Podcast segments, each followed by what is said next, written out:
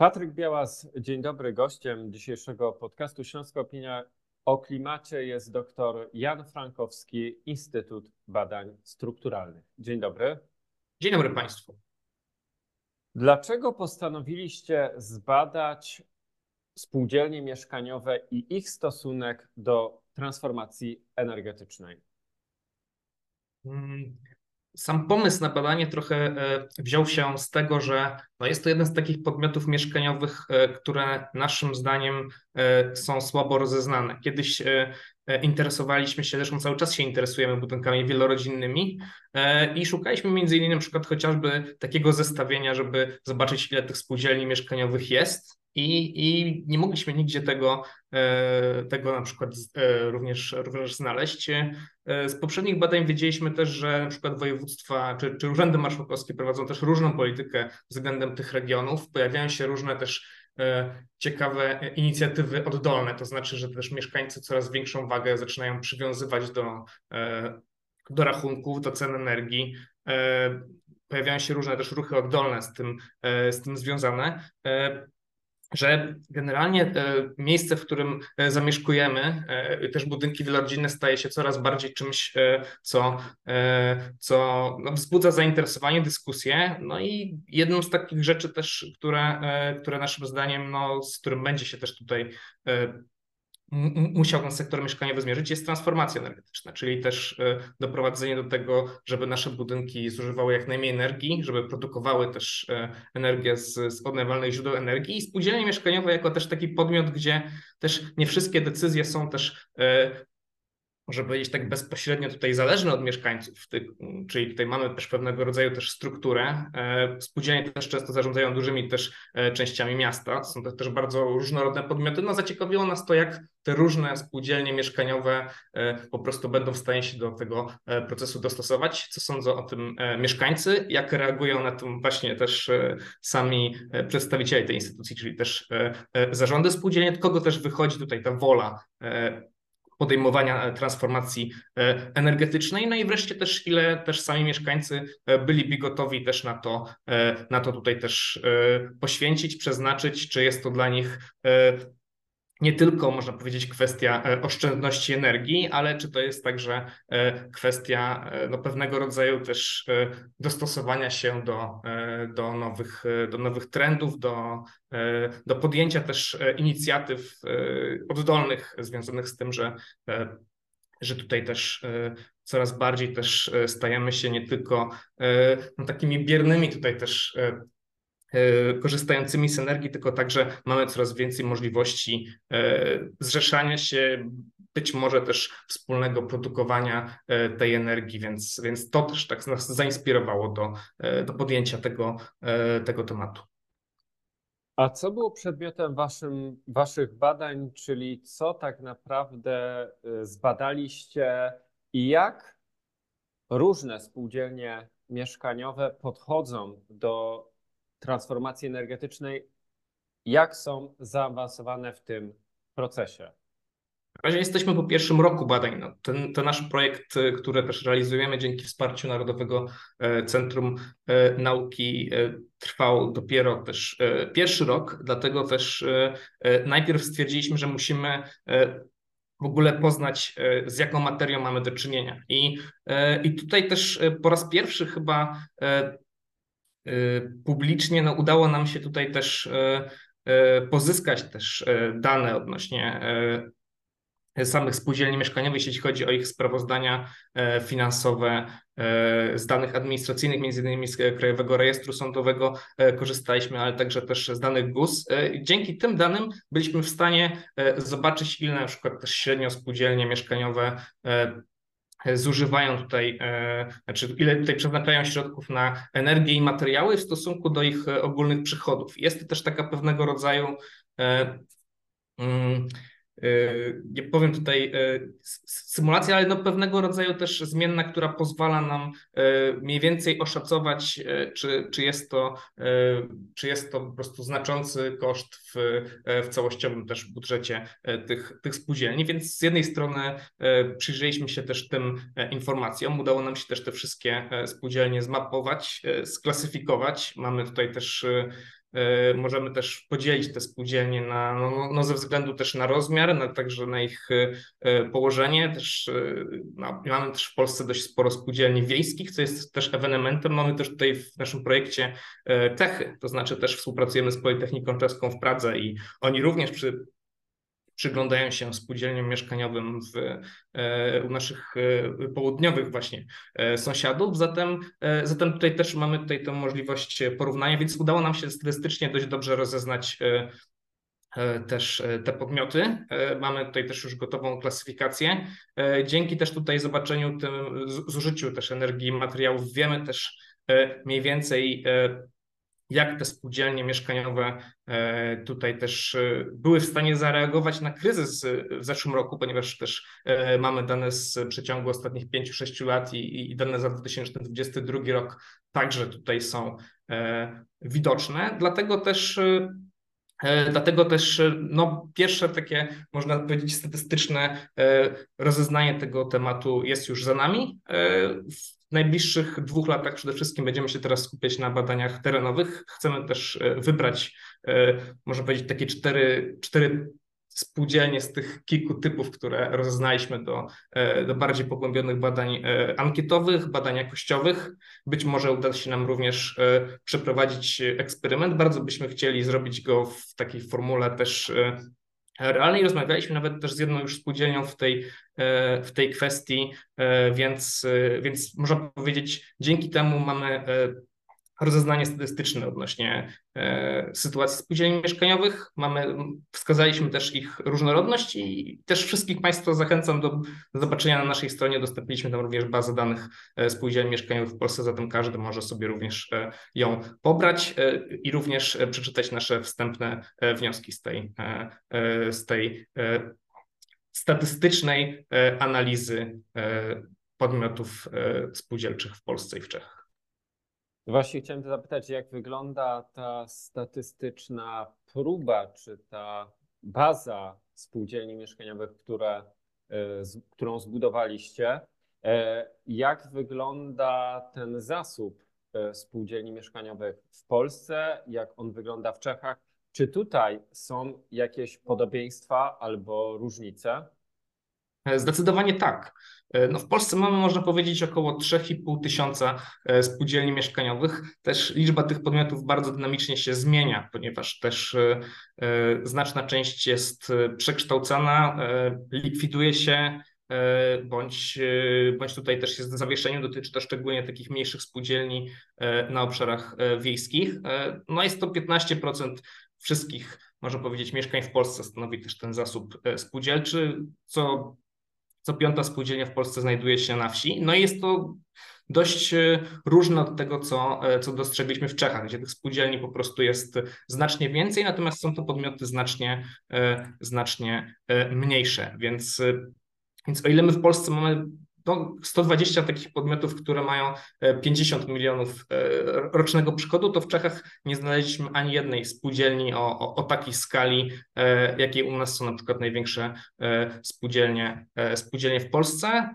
Są to zatem też podmioty no, bardziej takie elastyczne, więc jeżeli chodzi też o, o, jakieś tutaj podobieństwa, które nam się zarysowały, no to przede wszystkim przede wszystkim to, że jednak e, no, powstały no, w tym samym mniej więcej okresie, to znaczy też e, E, są to lata, e, no lata 60., 70. i 80. Wtedy tutaj też ten rozwój tych, e, tych budynków był najbardziej intensywny. No i co ciekawe, w Czechach tutaj ta największa koncentracja tego zasobu spółdzielczego, no zaobserwowaliśmy ją w takich miastach poprzemysłowych, no, na przykład Teplice, Most Karwina, to są też miasta pogórnicze i co ciekawe, tam ten zasób znajduje się, się w znacznie gorszym stanie niż, niż w Polsce, gdzie jest on relatywnie dobrze e, utrzymany przede wszystkim w dużych miastach i, i, i dużych spółdzielniach. U nas e, niedoinwestowane e, w słabszym stanie są przede wszystkim te, te, spółdzielnie, te spółdzielnie wiejskie, więc, więc tutaj też tego rodzaju różnice no do tej pory nam się udało, udało zaobserwować. Jeśli chodzi jeszcze o podobieństwa, to może też dodam, że co nas zdziwiło, to, to, to tutaj też polityka państwa wobec tych, tych podmiotów. To znaczy wszędzie zauważyliśmy, że że jest to pewnego rodzaju też polityka e, regionalna, która ma, ma, ma znaczenie. To znaczy e, w Polsce niektóre regiony decydowały się na przykład e, wspierać spółdzielnie dotacyjne, inne zdecydowały się na pożyczki, a inne na przykład nie przewidziały żadnego jakiegoś mechanizmu celowego wsparcia w spółdzielni. Jeśli chodzi o poziom krajowy w Polsce, to również tutaj możemy powiedzieć, że mieliśmy coś takiego jak program dla Śląska, znam opinię o programie dla Śląska wśród y, interesariuszy śląskich, że, e, że tutaj to też e, e, było to takie dość wsparcie wielu bardzo różnych rzeczy, często też dostępnych z poziomu krajowego, no i spółdzielnie były między innymi jednym, jednym z, z tego rodzaju tutaj też przykładów wsparcia, że też kilka, kilkadziesiąt tutaj też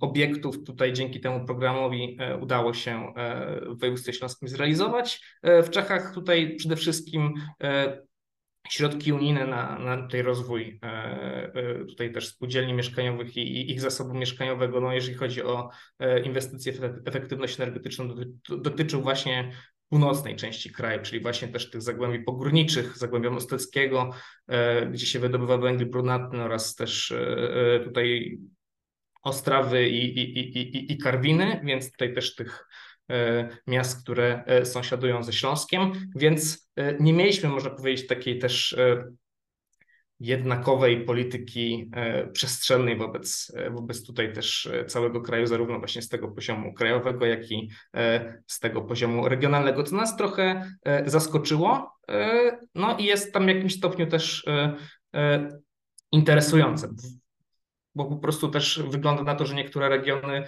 e, po prostu uznają, że spółdzielnie są na tyle prężnymi podmiotami, że są w stanie e, same sobie poradzić, że dotacji na przykład nie potrzebują, że wystarczy tutaj na przykład nisko oprocentowana pożyczka, a, a na przykład w przypadku niektórych regionów e, to cały czas no, przez lata no, było jakieś przeświadczenie, że, że no jednak jesteśmy tutaj e, mniej, może mniej, mniej zamożnymi, może u nas jest tych podmiotów na przykład wiejskich nieco więcej, bo na przykład dostrzegliśmy te ścieżki właśnie w województwie lubelskim, podkarpackim, warmińsko-mazurskim, gdzie faktycznie preferowano te dotacje, więc więc tutaj ta polityka była taka, taka różna i to jest o tyle ciekawe, że, że mieliśmy wrażenie, że Urzędy marszałkowskie prowadzą dość zrównoważoną politykę, jeśli chodzi o wsparcie różnych obszarów, to w przypadku spółdzielni e, tak nie było. A jak kształtują się wydatki na energię i materiały w polskich spółdzielniach mieszkaniowych? I czy tutaj istnieją jakieś różnice między spółdzielniami działającymi w miastach, a spółdzielniami działającymi na obszarach wiejskich? Mm, no jest to zdecydowanie taka dość y, y, potężna pozycja tutaj też w, w budżetach, y, budżetach tutaj też spółdzielni mieszkaniowych. Odnosząc tutaj to do, do całości tutaj też, też przychodów spółdzielni, to można powiedzieć, że to stanowi dziś około 40, średnio około 40%. No więc też jeśli chodzi to o zróżnicowanie E, czy przestrzenne, czy pod względem tutaj też e, wielkości tych podmiotów, to e, im, im można powiedzieć, im mniejszy podmiot, tym bardziej zróżnicowane też są te, te wydatki, więc więc tutaj może być tak, że na przykład jakaś mikro, niewielka spółdzielnia mająca na przykład około 200-400 mieszkań może wydawać, wydawać tutaj na, na materiały i energię na przykład znaczną część tego e, swojego, e, swojego budżetu. No, zaobserwowaliśmy to przede wszystkim w zeszłym roku, e, to znaczy w, w momencie, kiedy tutaj też był, był tutaj kryzys inflacyjny, tutaj też mocno skoczyły wydatki, wydatki tutaj na, na energię. No i o ile te duże spółdzielnie E, objęła je tutaj też ta tarcza inflacyjna, ale na przykład te, te małe, gdzie, e, gdzie po prostu spółdzielnia sama musi sobie e, zapewnić ogrzewanie poprzez swoją kotłownię, no tutaj też te podwyżki cen dość mocno tutaj też dotknęły mieszkańców. I tam na przykład jakimś mechanizmem osłonowym, który był dostępny, były te osławione dodatki węglowe i tutaj też na przykład mieszkańcy mogli tutaj wpłacać na, na konto tych mniejszych spółdzielni tutaj te środki, ale nie we wszystkich spółdzielniach to, to, to wyszło, więc to też był taki dość, dość ciekawy mechanizm, gdzie faktycznie to taka solidarność w obliczu e, kryzysu, no nie zawsze, nie zawsze tutaj miała, miała miejsce. I na przykład część spółdzielni e, wiejskich pisała o tym w swoich raportach rocznych, które też są dostępne, które też każdy e, może przeczytać tutaj poprzez dokumenty na, na stronie Krajowego Rejestru Sądowego, że właśnie te dodatki węglowe to po prostu też nie zawsze były przeznaczone na, na to ogrzewanie w, E, w tych spółdzielniach, które na przykład później musiały e, brać jakąś pożyczkę e, szybką, żeby móc załatać tutaj też ten, ten koszt zakupu tego, bo w przypadku mniejszych spółdzielni to naprawdę potężna pozycja wydatkowa to, to mogła być. Więc, więc tutaj też można powiedzieć, że spółdzielnie mieszkaniowe w Polsce dość różnie też ten kryzys odczuły i wydaje nam się, że te e, spółdzielnie, e, które są w e, duże, które też no, posiadają też osoby, które też zarządzają energią, wykwalifikowaną kadrę, wydają się być lepiej tutaj odporne na, na tutaj tego rodzaju też kryzysy, mają też większe takie środki też, no, dzięki temu, że też mają większe możliwości też zarabiania, to znaczy też tam w miastach też spółdzielnie często mogą, e, mogą tutaj też wynajmować e, swoje jakieś inne obiekty na obszarach wiejskich, po prostu ten zasób, majątek e, spółdzielni jest jest, jest nieco mniejszy. No i co ciekawe, też w przypadku czeskich spółdzielni, to, to tutaj też wyszło, że, że tam z kolei zaszła taka dość ciekawa sytuacja, że ponieważ to są znacznie mniejsze podmioty, kryzys spowodował, że spółdzielnie czeskie zahamowały e, taki proces, który był obserwowany tam, to znaczy odłączenie się od e, miejskich sieci ciepłowniczych, e, on został zahamowany. To znaczy, jak skoczyły tutaj koszty gazu, to spółdzielnie takie mniejsze przestały się przestały się tutaj też e, odłączać od miejskich sieci ciepłowniczych, e, ponieważ ten, e, ten zasób był mniej, można powiedzieć, postrzegany jako, jako taki ryzykowny, jeśli chodzi o skok cen, cen energii, więc to, to tutaj dostrzegli nasi partnerzy z Politechniki Czeskiej. No i to też pokazuje, że ten przykład czeski i ten przykład polski są dość są dość e, różne, właśnie ze względu na to, że te spółdzielnie e, po pierwsze mają nieco inną strukturę wielkości, ale także na przykład mamy różną strukturę tych źródeł ciepła w, w tego rodzaju podmiotach, więc, więc to też nie jest tak, że, że tutaj te przypadki Europy Środkowo-Wschodniej są, e, są dość zbliżone, bo mniej więcej wszystkie te budynki powstały w dość podobnym okresie. Tak, e, tak raczej nie jest i to będziemy chcieli pogłębić w naszych kolejnych e, badaniach w tym roku już w terenie i, i, i w przyszłym także. Bardzo serdecznie dziękuję za tę dzisiejszą rozmowę. Moim Państwa gościem był dr Jan Frankowski, Instytut Badań Strukturalnych. Dziękuję za rozmowę. Dziękuję Państwu za uwagę. To był podcast zrealizowany przez Stian Media.